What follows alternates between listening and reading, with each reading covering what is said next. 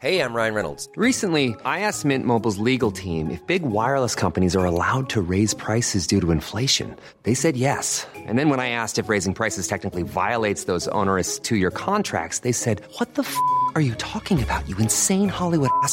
F- So to recap, we're cutting the price of Mint Unlimited from $30 a month to just $15 a month. Give it a try at mintmobile.com slash switch. $45 upfront for three months plus taxes and fees. Promo rate for new customers for limited time. Unlimited more than 40 gigabytes per month. Slows. Full terms at mintmobile.com.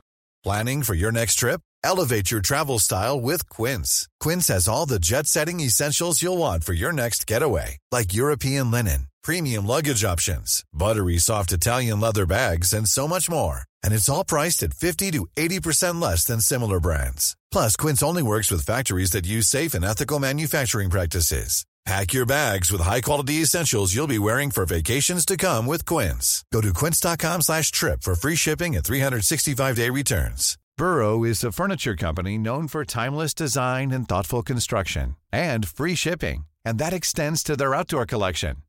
Their outdoor furniture is built to withstand the elements, featuring rust-proof stainless steel hardware, weather-ready teak, and quick-dry foam cushions. For Memorial Day, get 15% off your Burrow purchase at burrow.com slash ACAST and up to 25% off outdoor. That's up to 25% off outdoor furniture at burrow.com slash ACAST.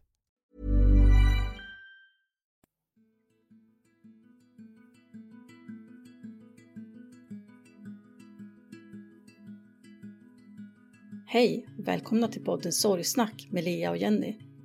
Den här podden berör allt som har med sorg och förluster att göra. När livet inte blev som vi hade tänkt, när något oväntat händer och hela ens liv vänds upp och ner över en dag, när någon vi håller kär är med om en olycka, när vi själva drabbas av olycka eller sjukdom, när vi är med om det värsta en människa kan vara med om, döden. Och som i vårt fall, när vi tvingas ta farväl av ett av våra barn och såklart många andra förluster som vi människor går igenom under en hel livstid. Vad är sorg och sorgbearbetning egentligen? Vi kommer gästas av kända och okända personer som kommer dela med sig av sina berättelser och som möter sörjande i sin profession. Vi kommer att diskutera hur vi människor reagerar och agerar vid olika förluster och kriser och hur samhället bemöter människor i sorg. Vi vill med den här podden göra så att fler människor ska våga öppna sig och våga prata mer om sorg och de känslor man bär på. Vi hoppas att detta ska hjälpa andra personer i liknande situationer och vi hoppas att du vill hänga med oss genom vår resa. Hej och välkomna till Sorgsnack med Lea och Jenny. Idag så kommer vi att prata om Alexis årsdag som är den fjärde som Lea ska gå igenom nu snart. Och idag så sitter vi i en studio som heter Poddgrottan. Lea, skulle du vilja berätta lite grann hur det har varit inför den här årsdagen? Hur det har känts och hur du har mått och lite sånt? Mm. Ja, som sagt, det är ju snart dags för vår fjärde årsdag. Sen Alexis gick bort. Och eh, jag börjar märka redan så här, slutet av maj månad att det börjar krypa i kroppen och man känner liksom men så nu börjar vi närma oss juni. Och det är ju alltid lite speciellt av flera olika anledningar, inte bara på grund av Alexis eller så men dels så fyller min man år. Eh, och det är också väldigt snart om fyra dagar den 15 juni. Ehm, vår hund fyller år den 6 juni så han har precis fyllt nu 11 år. Och det var lite jobbigt för att han har varit väldigt sjuk och vi trodde faktiskt inte att vi skulle få uppleva den här dagen, att, att han skulle hinna bli 11. Jag var helt hundra också på förra året att det var liksom sista födelsedagen vi fick med honom. För han är ändå så pass gammal och haft många besvär och problem och sådär. Och nu var det väldigt, väldigt nära att det blev så. Som tur så repade han sig efter några dagar på sjukhuset och eh, han fick komma hem till oss och vi fick nu fira ännu en födelsedag med honom så det kändes alldeles underbart. Ja, såklart. Ja, men nu vet vi i alla fall att ja, det här var nu verkligen säkert sista födelsedagen med honom. Och i och med att det också infaller den 6 juni, Sveriges nationaldag, så kommer det ju alltid liksom ha en speciell betydelse. Mm. Eh, för vi, vi har ju alltid firat liksom både Balders födelsedag men även då nationaldag. Så det var lite fint liksom att ja, flagga av dubbla anledningar. Ja. Eh, och sen så var faktiskt Alexis beräknad till den 15 juni 2018 på min mans födelsedag. Och det kändes ju jättefint, verkligen, att det var så. Sen så kom han ju inte den 15 som de flesta vet utan han gick över tiden och jag fick bli igångsatt med honom. Så han föddes den 21 juni på morgonen. Ja, så det är mycket juni och sen framförallt att vi åkte ner till Göteborg den 1 juni 2018 i väntan på att han skulle föda. Så vi bodde ju på hotell i princip hela juni månad nere i Göteborg. Och då innan han kom då så gick vi bara vänta, vänta och försökte underhålla oss själva, hitta på saker och gick på kontroller också mellanåt där på sjukhuset. Ehm, ja, men turistade runt. Även om jag har bott i Göteborg då. kan Göteborg, ja, inte helt och hållet så här, men ganska bra ändå. Jag har ju min mamma som bor där och min syster bland annat. Um, så jag är väl bekant med staden och sådär. Och det finns ju också ganska mycket att göra så det var ändå så här mysigt och trevligt att få vara en, en sommar där nere tillsammans. Så vi hittade på olika saker, gick på museer och åkte paddan och vi var på Liseberg och Universium och alla de här turistställena och bara försökte tänka på annat. Eh, för att det är klart att det var ju jobbigt att gå runt och veta att snart så kommer han och oavsett hur det blir så kommer han ju vara sjuk och behöva liksom opereras och så vidare och vi kommer bli kvar här och sen förflyttas till sjukhuset och bo på Ronaldhuset och så vidare. Vilket var ju planerna. Ja, så juni månad är ju väldigt laddad. Det är många känslor eh, över det. Och den 21 juni 2018 det var ju midsommarafton det året. Mm. Um, mm. Och jag minns, ah, men det var riktigt jobbigt. Och bara det här att fira midsommar, det är ju också en, en jobbig grej. Ja, att göra om- numera. Ja, även om det varierar i datum, precis som mors dag också gör för Mm. mig idag. Så jag kan ju verkligen relatera till just att det är liksom den där högtiden och att det är så starkt förknippat med den här händelsen. Mm. Ja, det är ju verkligen det. Så ja, ja det har ju såklart gjort att eh, jag har inte varit tillbaka i Göteborg och firat midsommar efter det. Eller någon av oss så. Eh, det har inte blivit av och sen tror jag inte riktigt att ja, jag hade velat det heller så. Men eh, vi är hellre liksom på hemmaplan här i Stockholm. Men årsdagarna, vi har faktiskt varje år firat att han kom till oss. Fint. Alltså hans födelsedag. Mer än att fokusera på att det även är hans dödsdag. För det blev ju så. Han föddes ju kvart över åtta på morgonen och respiratorn kopplades bort 19.30 på kvällen. Och det är ju blandade känslor just i det här att det både att han föddes den dagen och så dog han den dagen på kvällen. Och i början tror jag nu att jag hade mer svårt då, hur ska jag förhålla mig till det här och så. Men nu efter första årsdagen då, när vi firar sen dag, år två och tre så har det ju varit att nej, men jag väljer att fira att han faktiskt kom till oss. Att han var och levde även om det blev väldigt, väldigt kort. Um, alldeles för kort tid här. Men ja, jag fick ju ändå ha honom hos mig under hela graviditeten och det är ändå nio månader. Mm. Som jag som mamma har fått förmånen att liksom lära känna honom. Eh, på ett helt annat sätt än vad min man till exempel har, har haft. Såklart av förklarliga skäl ju. Det blir ju så, det blir en annan relation. Mm. när man som kvinna bär sitt barn så så för mig är det, det är inte bara, ah, men han levde bara 11 timmar utan jag hade ju ändå nio månader med honom. Mm. Jag, har, jag har tänkt på det ibland att, men att ni hann inte få så mycket minnen du och Alexis. Mm. Men att du ändå, att du har ju minnen tillsammans med honom. Första gången du känner att han sparkar, Mm. alltså alla, alla sådana saker, det, det har du ju kvar.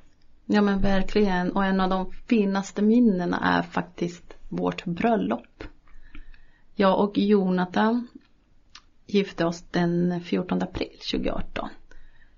Och egentligen hade vi bestämt datum den 27 december 2018. Och vi hade bokat ishotellet för att gifta oss där uppe. Ehm, men så blev det inte.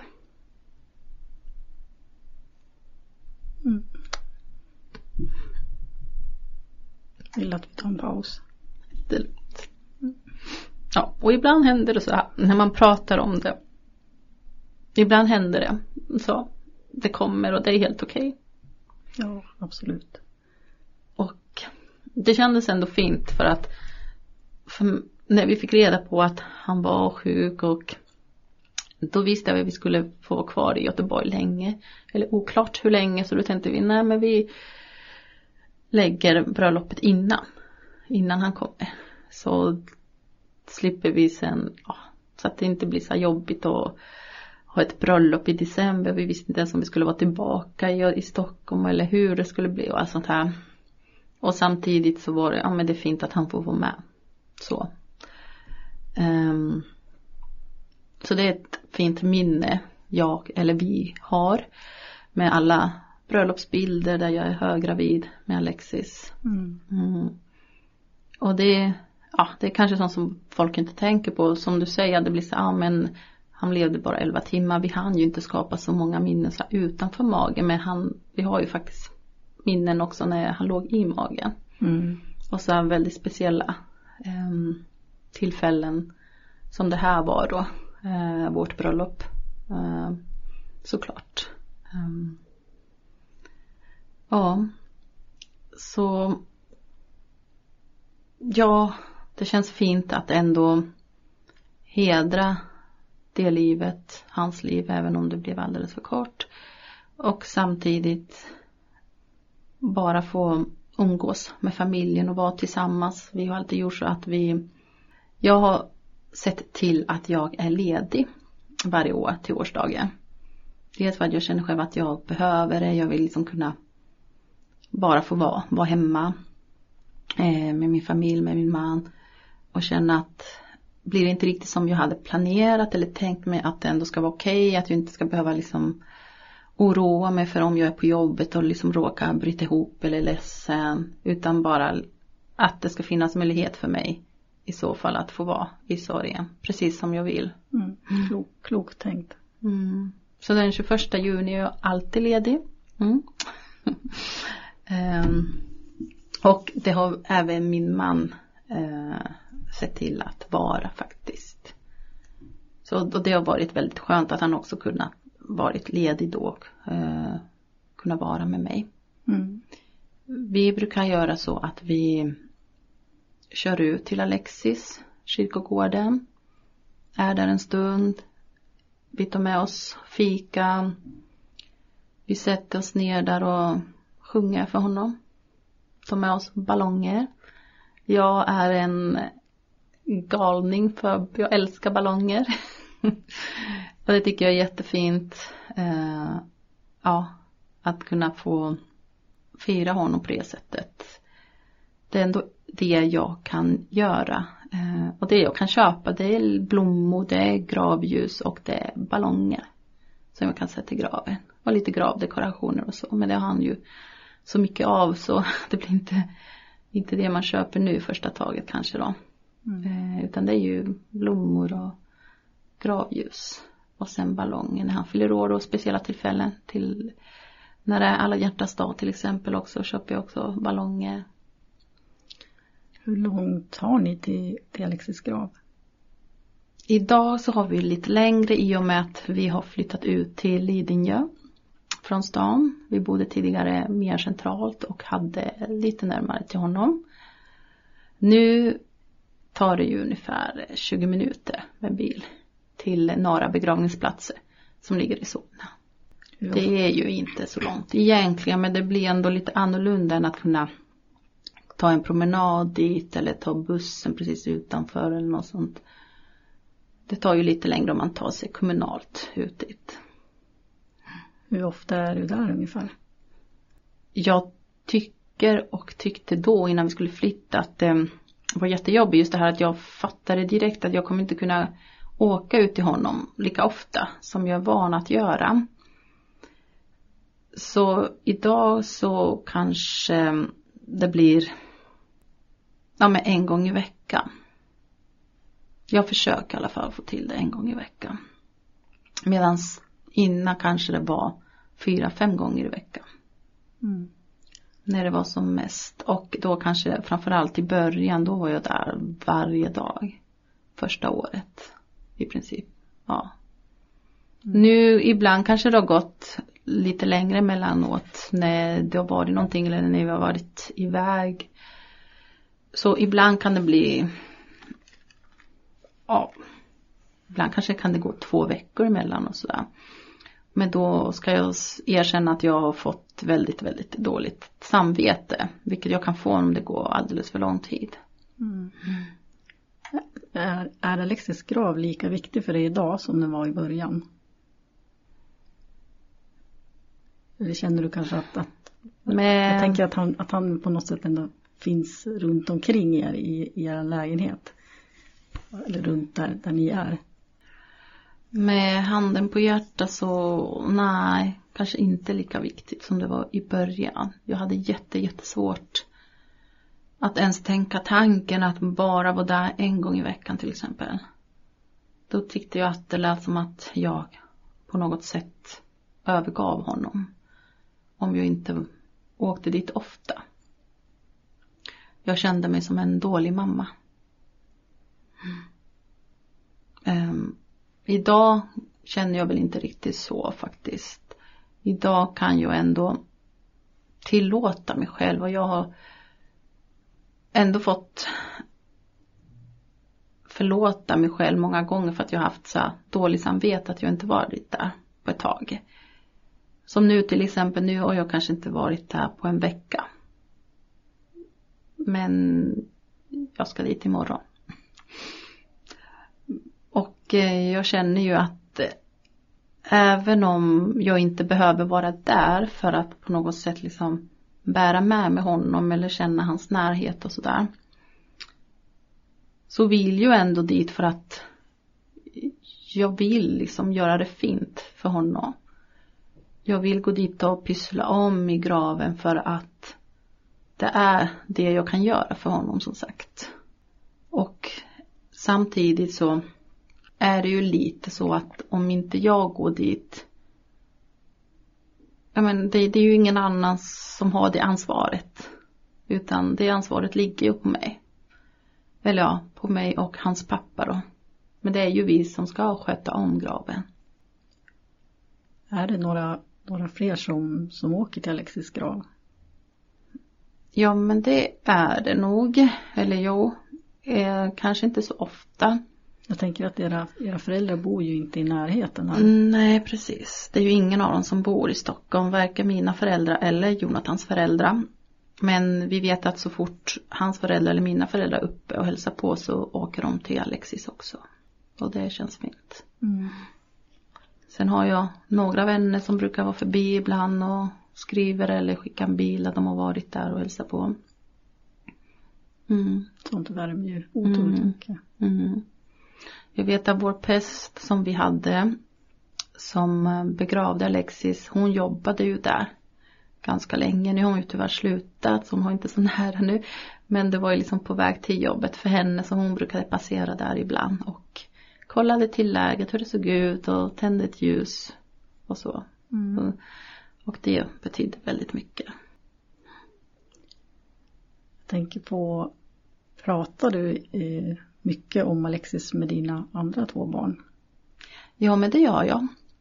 Sen är det frågan egentligen hur mycket de förstår. Men jag tänker så här att um, nu är Eileen två och ett halvt år. Ja, eller ja, hon blir ju tre i november. Men jag har ju pratat med henne om Alexis, ja, väldigt tidigt, sen hon föddes. Jag tänker att ju mer jag pratar med henne om honom, ju mer blir det liksom att han blir en del av vår familj. Mer naturlig del. För jag kände tidigt att jag inte ville att det skulle bli konstigt för henne eller någonting som blir förbjudet att prata om eller jobbigt att prata om eller höra om. Utan att hon ska veta att hon har, att hon har en storebror. Som tyvärr dog. Och sen om man vill kalla att säga att han bor i himlen eller inte, ja. Det får vi ju se. Men i dagsläget i och med att hon ändå är så pass liten så har vi valt att säga att han, han dog och han var sjuk och han bor i himlen. Och jag tror nog ändå att det är viktigt att få barn att så tidigt som möjligt förstå det. Istället för att till exempel säga att han kan inte vara här för att Alexis, eller han sover, han ligger där och sover.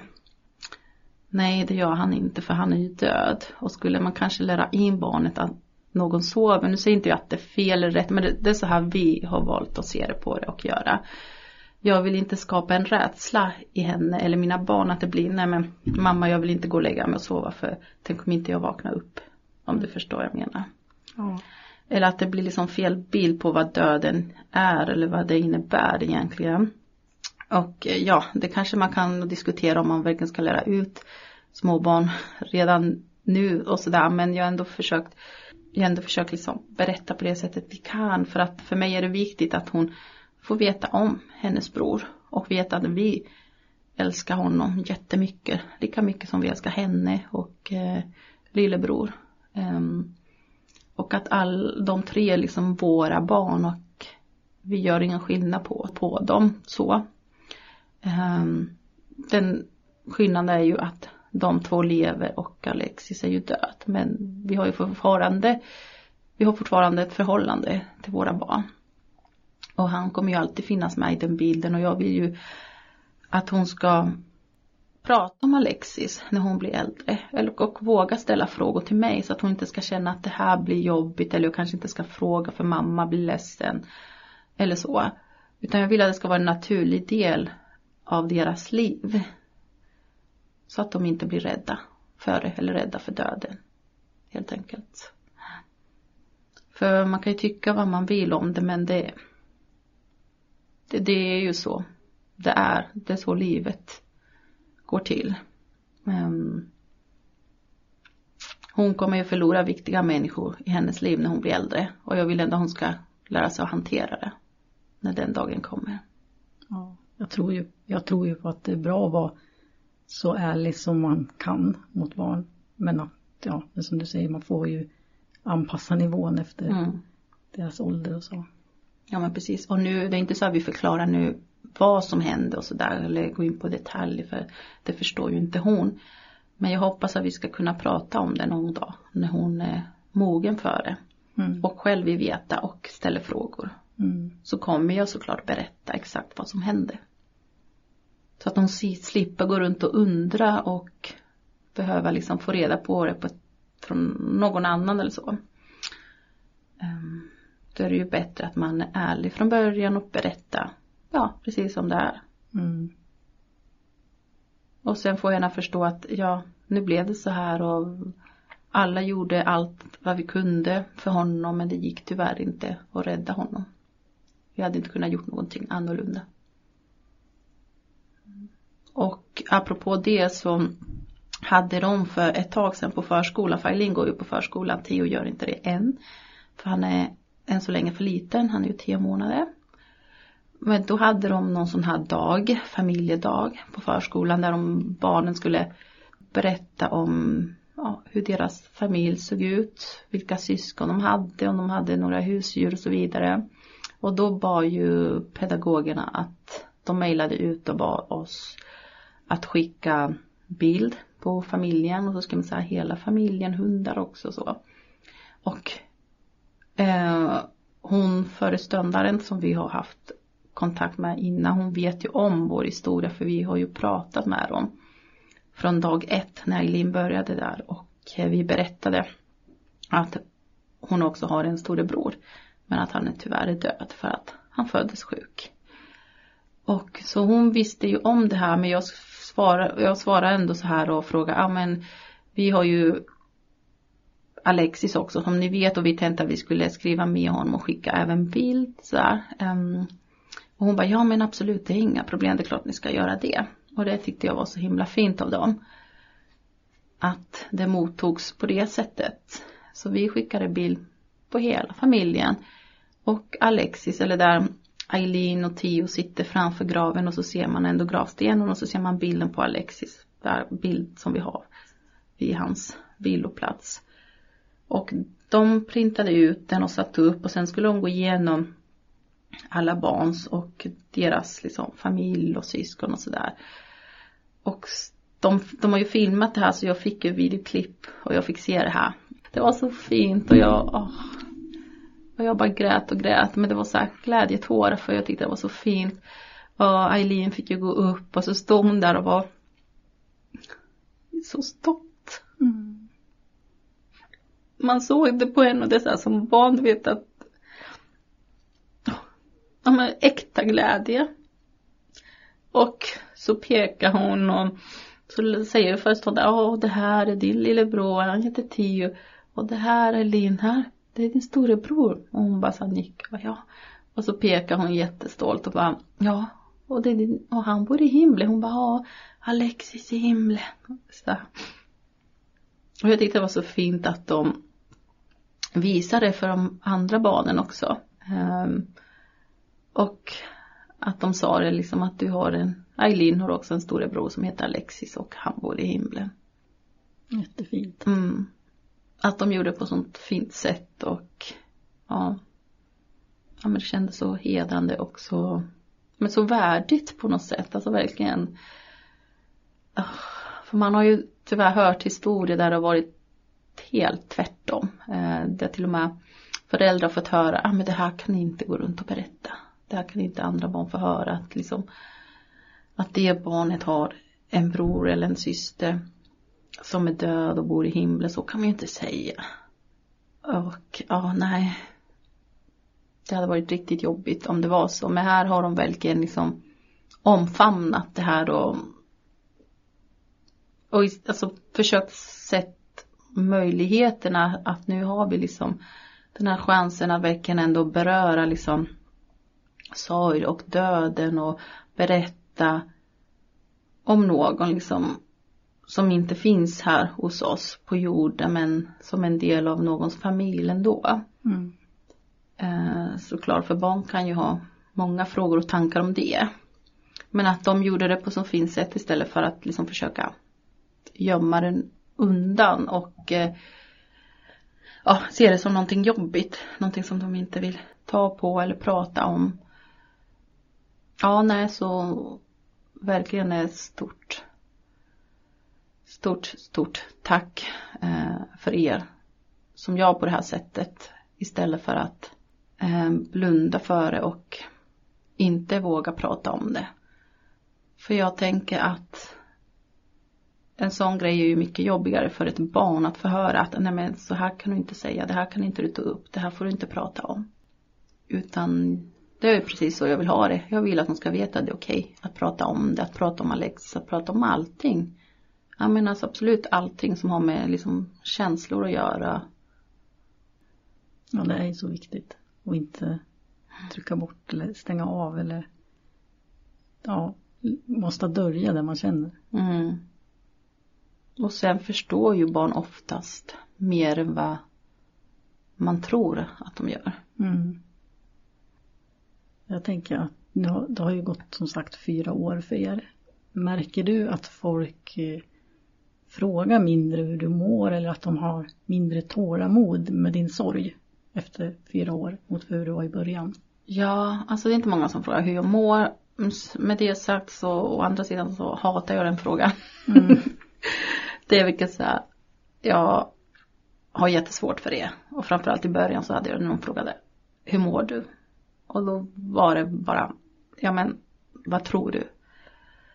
Jag tyckte det var jättejobbigt att få den frågan. Jag förstår liksom att det var i all välmening. Och sen är det svårt, ja, vad ska de annars säga så? Ja, men idag så sker det inte alls så ofta. Och jag tycker ändå det är skönt så att de inte frågar hur jag mår. För samtidigt så är jag sån som person att känner jag att nej men nu behöver jag prata med någon eller nu mår jag så här, nu känner jag mig inte kanske så bra. Då kan jag ändå säga det. Om jag skulle vilja visa omtanke om dig då och fråga hur du mår, vad, vad skulle vara bättre att säga då? Eller behöver man inte säga någonting alls utan du, du kommer med det själv? Om man syftar då på att man vill veta hur jag mår kring det här med Alexis och sorgen. Mm. Så tycker jag att det är bättre om någon frågar om men um, hur, jag menar alltså som mer direkt och så här med hur är det egentligen allt med det här med Alexis? Hur ofta tänker du på honom eller är det någonting som du behöver prata om? Alltså mer konkreta, mer specifika frågor då så att jag fattar att det också syftar på Alexis. För ibland kan det för sig vara svårt att säga, men hur mår du? Ja, men jag mår ju bra, alltså så. Eh, I kroppen Fysisk så mår jag ju bra, den är hel, mer eller mindre. Men ja, psykiskt, ja, jo men jag skulle nog säga att jag mår bra det också. Men däremot mitt hjärta, alltså förstår, alltså sorgen. Det sitter ju mer här nu. Och där är ju det fortfarande ett hål i mitt hjärta såklart. Mm. Som aldrig kommer kunna gå att fylla. Ehm, men ibland så pyser det ut lite mer än andra gånger. Ehm, såklart. Och däremot har jag ingen, ingenting emot att prata om Alexis. Så här, oavsett vad folk har för frågor om honom eller det som hände. Att det kan vara allt från att, ja men Ibland har jag haft någon som hör av sig och säger, ja men jag tänkte åka förbi graven, vill du följa med? Um, ja. Ja men mer så här direkt på. För frågan om bara så här, hur mår du, bara så här rent allmänt så kommer jag alltid säga att det är bra. Mm. Som vi brukar svara på den fråga, de flesta av oss i alla fall. För där och då kanske man är mitt uppe i någonting annat och har kanske inte heller riktigt tid att sätta sig i, men hur mår jag egentligen just nu? Eller hur mår jag verkligen liksom, ja. Det kan vara att, ja men idag kanske det är sådär för att jag har ont i ryggen eller jag har lite ont i huvudet för att jag har druckit för lite och tänkt för mycket. Eller att jag, nej men idag faktiskt är en jobbig dag för att jag har tänkt extra mycket på Alexis och så vidare. Um, så det är lite annorlunda. Um, men uh, ibland också kan man bara komma fram och om man ser liksom att det är någonting så uppskattar jag även om, man, om någon bara kommer fram och ger en en kram. Um, eller om någon ser att jag är lite ledsen att de kommer fram och säger men jag ser att du är lite ledsen. Uh, vill du ha en kram? Ja. Mm. Och ibland är det ofta, ibland kanske det är bara det man behöver där och då. Jag skulle säga att, oj, jag det har förändrats, eller jag vet faktiskt inte om det har förändrats själva det här med årsdagen. Jag tycker fortfarande det är lika jobbigt. Det tycker jag. Och jag önskar fortfarande att jag fick stå och planera en födelsedag. Istället för att ja, köpa fika eller göra en, baka en tårta för någon som tyvärr inte kommer få ta del av den så som den är ämnad för. Den personen finns ju inte här men hans syskon gör ju det och nu när de börjar bli lite äldre, eller i alla fall, i alla fall Eileen så kanske det ändå i år blir att ja men vi bakar en tårta för det kan vi i alla fall vi äta och hon kan smaka lite och så. Eh, förra året var hon ju fortfarande för liten för det men nu i år så är hon ju inte det. ja, nej men årsdagen är ju verkligen jättejobbigt. Vad skulle man göra annorlunda tänker jag också samtidigt. Det är klart att jag skulle kunna välja att sitta hemma och inte göra någonting och bara försöka ta det som en vanlig dag.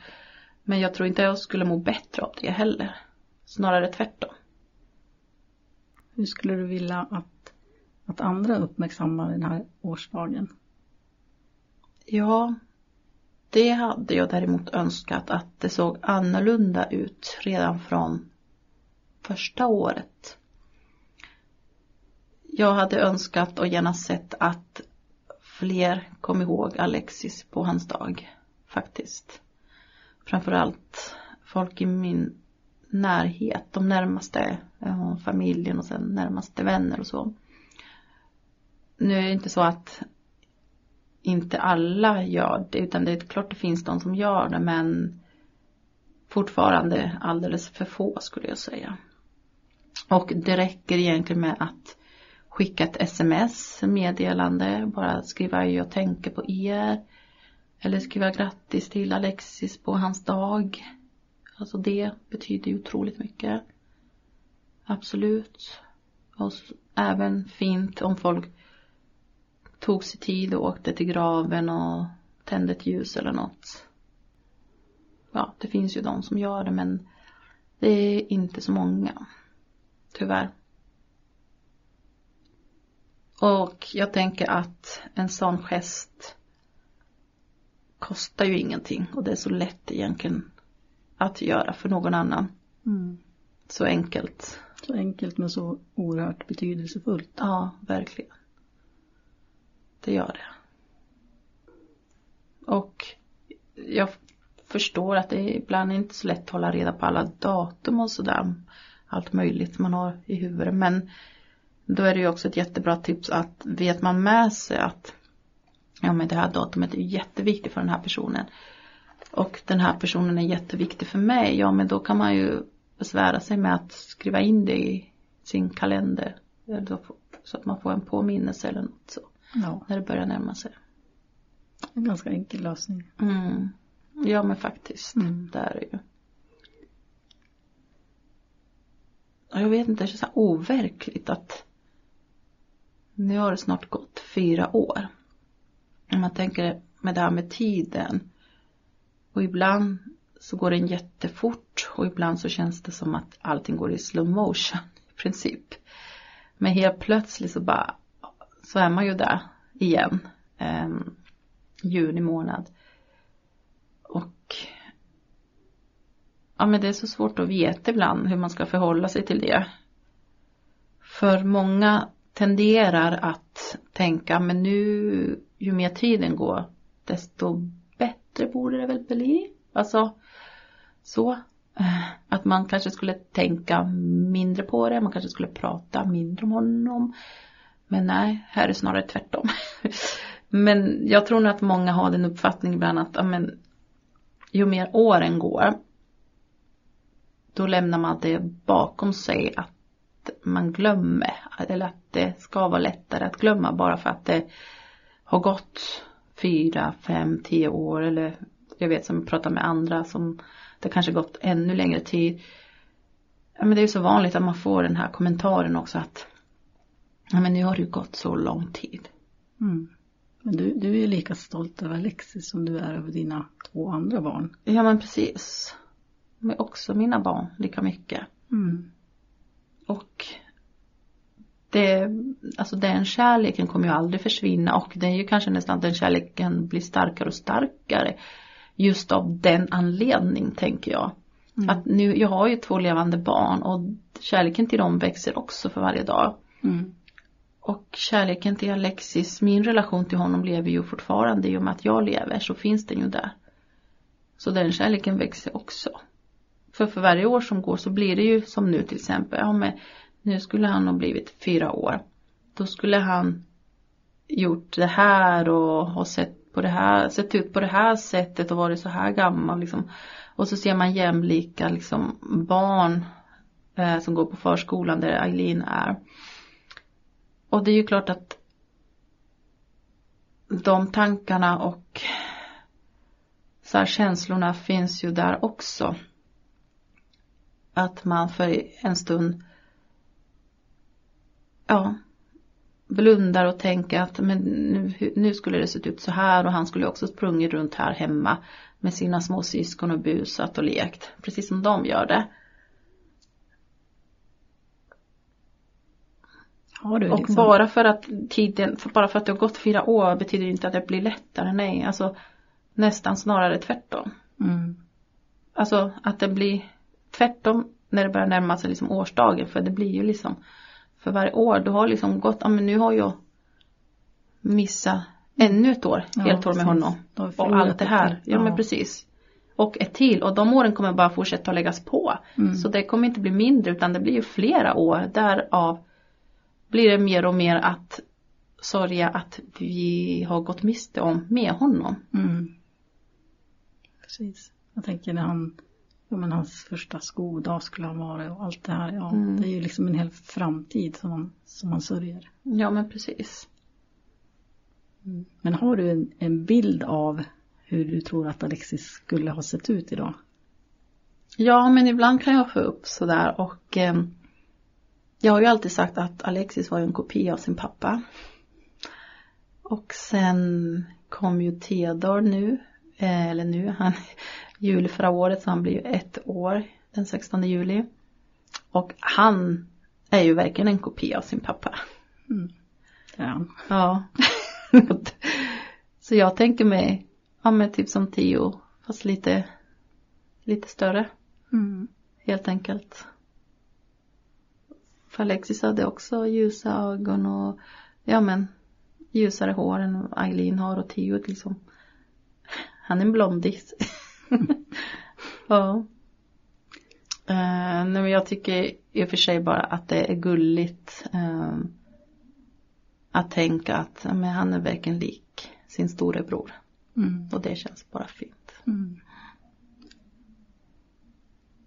Ni fick ju de här då, 11 timmarna med Alexis. Är det någonting du känner att du ångrar att du inte gjorde under de där timmarna? Oj, ja, ganska mycket faktiskt. Jag ångrar att jag inte tog vara mer på, på honom och med det menar jag att jag inte vågade kanske att ta på honom lika mycket. Jag var så rädd att skada honom för han låg där med alla slangar och sådär och i respiratorn och så. Och jag var ju så rädd att göra honom illa. Det låter kanske konstigt men jag Nej. menar han var ju så sjuk som han var. Ehm, men jag var ju så, jag var i början jätterädd för att ta på honom. Av just av den anledning. Ehm, och sen när jag väl gjorde det så var det som det underbaraste jag gjort hela mitt liv. Men jag önskar bara jag hade fått mer tid och att jag hade suttit där längre med honom. Att jag hade fått veta att jag hade rätt att få vara kvar på sjukhuset längre tid än vad vi var nu. Även om han var död redan då efter då, efter att han dog. Men att vi ändå hade haft möjlighet att få stanna kvar med honom både en, två eller tre dagar. Eller till och med kanske fått tagit hem honom en sväng. Nu var vi ju inte hemma för nu var vi ute i Göteborg så kanske det hade blivit samma sak ändå än att han hade fått liksom komma hem till oss och så.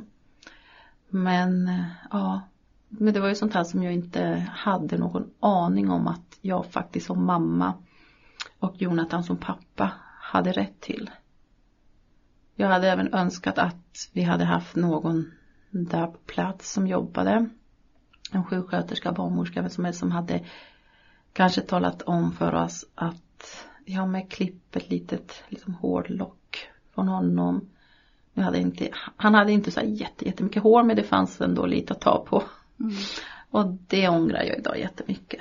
Att jag inte gjorde det, inte tänker. Men jag, jag förstår liksom, det är klart att jag inte tänkte på det. Det var inte det man tänkte på där och då. Men det är därför man hade önskat att det hade funnits någon annan som tänkte åt en också till en att ja men gör det här, gör så. Ja. Någon som hade sett till att vi fick flera bilder, framförallt på oss liksom gemensamt tillsammans som familj. Eh, jag, Alexis och Jonathan då. Ehm, ja. Att vi hade tagit fotohandavtryck med sånt här, ja men på papper också med bläck eller någonting med, ja, fingerfärg eller något sånt där. För nu, nu gjorde vi sånt avtryck av gips. Men den blev inte sådär jättebra eller jättetydlig heller. Mm. Tyvärr. Eh, vilket jag kan tycka då att det är lite synd men ja. Vi har ju ändå det och det är ju tur. Det var ändå tur att det sa de till oss att de kunde hjälpa oss med. Att det var några som kom upp där och hjälpte oss med att fixa det.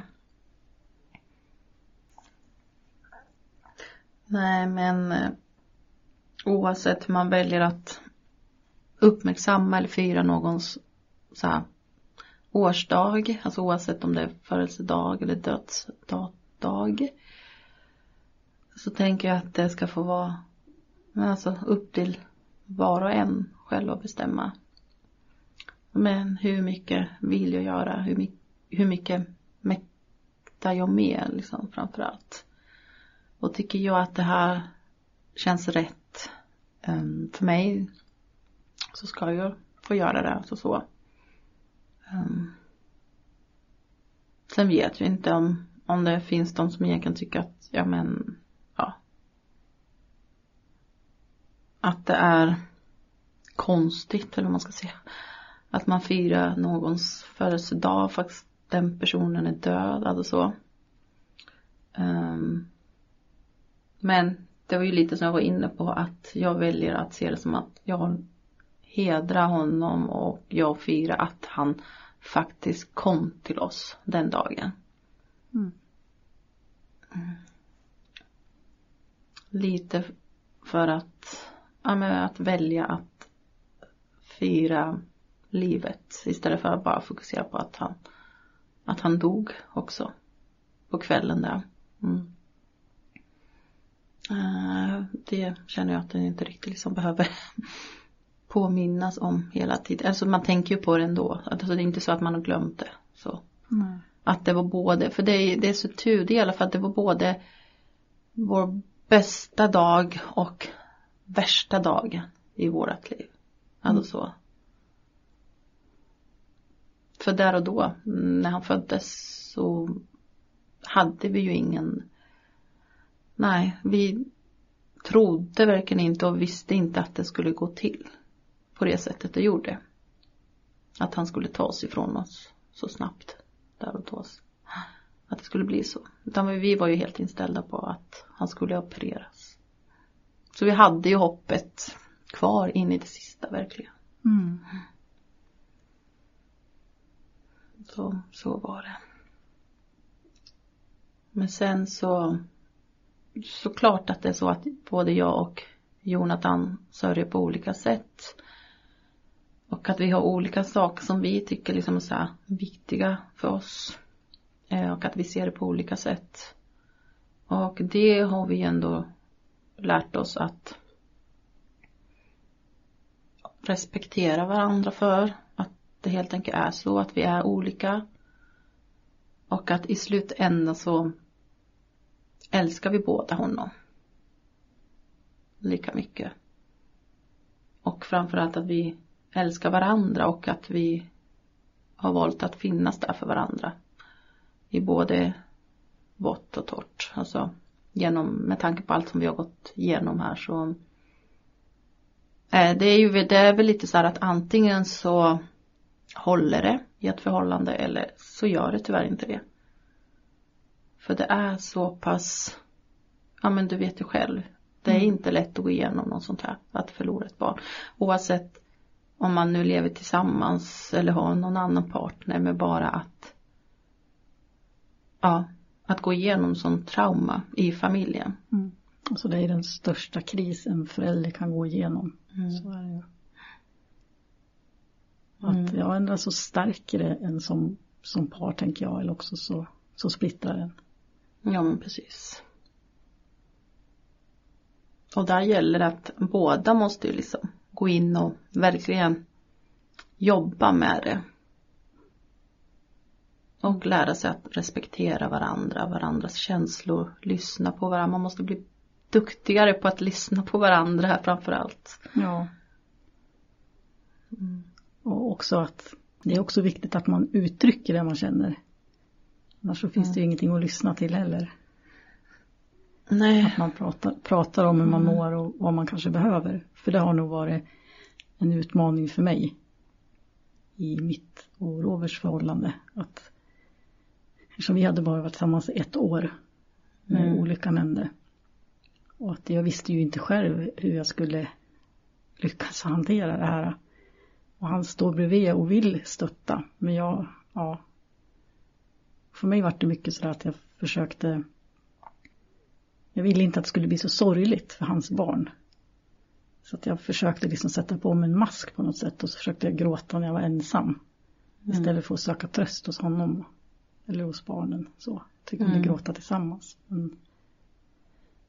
Ja, så jag har ju också fått lärt mig det på något vis. Att jag måste, jag måste våga gå till han och säga att nu behöver jag en kram. Mm. Mm, det förstår jag. Mm. Och så har vi också haft det. Oj, det kände jag väldigt tidigt då när det hände att jag hade sånt behov av att liksom få vara nära Jonathan hela tiden. Ja, men just det här att känna någon annans närhet, att han fanns, att jag kunde gå och bara säga men håll om mig, bara håll om mig. Behöver inte egentligen säga så mycket, bara håll om mig så kan jag få gråta ut. Eh, och må piss, bara få må dålig. Eh, men just att det var någon som förstod och gick igenom exakt samma sak som jag. Mm. Även om vi till och från hanterar det lite annorlunda. Eh, Men det var ändå viktigt också att vi kunde kommunicera och mötas i sorgen och att han på sitt håll kunde även ge uttryck för det och prata med andra men också med mig om det. Och vi gick på sånt här sluten samtalsgrupp med andra föräldrar som hade mist ett litet barn via kyrkan, sjukhuskyrkan som hade anordnat sådana träffar. Som gav oss, ja men jag tror nog att det var tack vare det så kunde vi möta varandra på ett bättre sätt. Och att vi kunde hantera vår sorg individuellt men också tillsammans. På ett mycket bättre sätt än om vi inte hade gått på de här samtalsträffarna. Mm. Och jag märkte framförallt på Jonathan att han kunde öppna upp sig på ett helt annat sätt. Och att han faktiskt behövde också göra det. Mm. Så det var ju väldigt skönt. Framförallt att han själv kom fram till det att det här behöver jag och det här var ju bra för mig. Vi är ju så otränade i Sverige på det här med sorg och känslor och jobb, alltså kriser.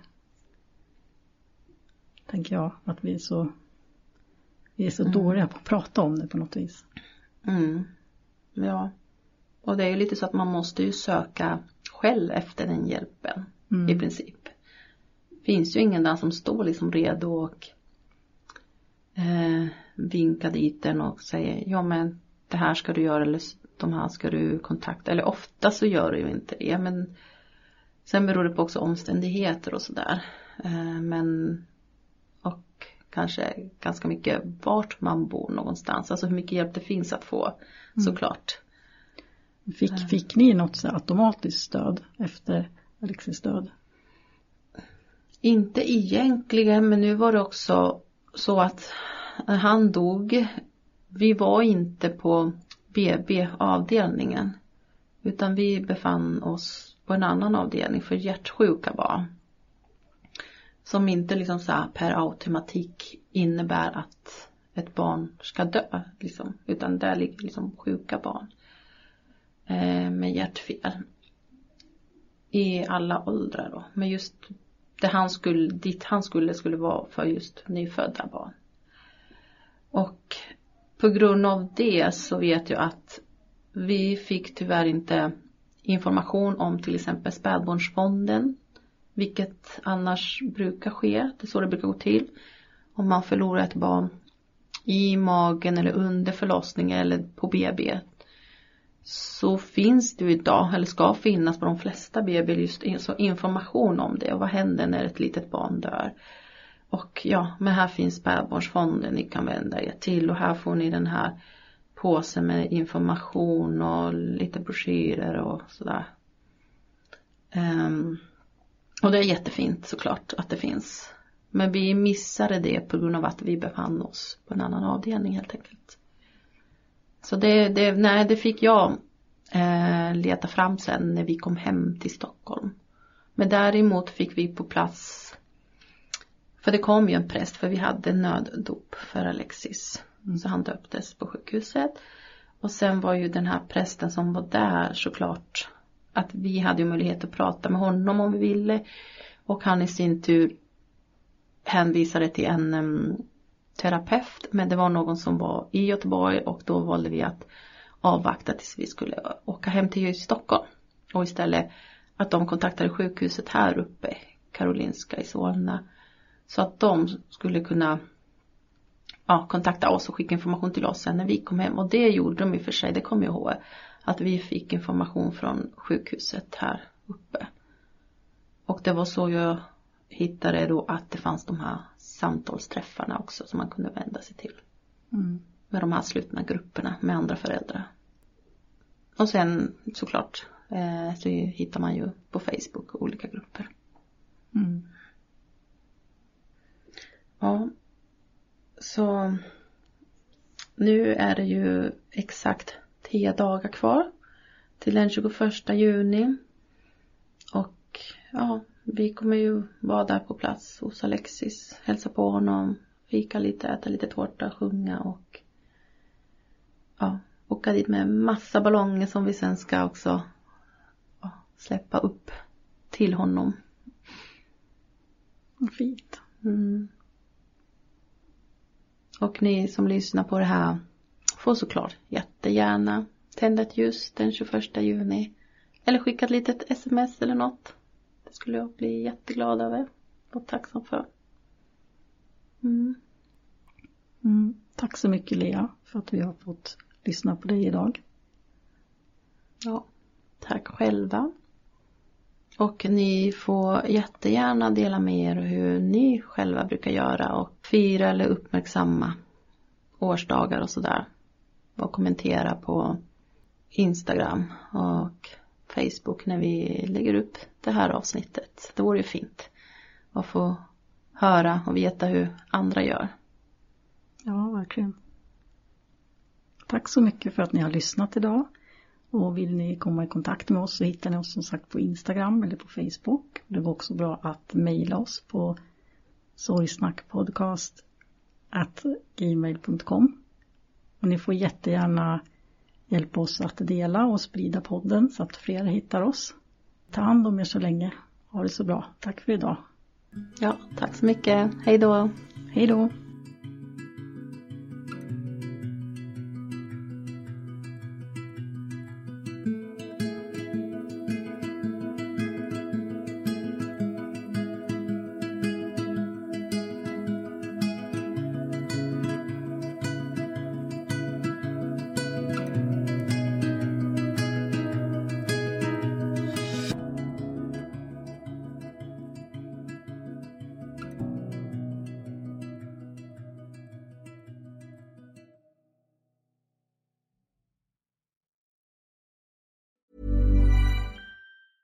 Planning for your next trip? Elevate your travel style with Quince. Quince has all the jet setting essentials you'll want for your next getaway, like European linen, premium luggage options, buttery soft Italian leather bags, and so much more. And it's all priced at 50 to 80% less than similar brands. Plus, Quince only works with factories that use safe and ethical manufacturing practices. Pack your bags with high-quality essentials you'll be wearing for vacations to come with Quince. Go to quince.com slash trip for free shipping and 365-day returns.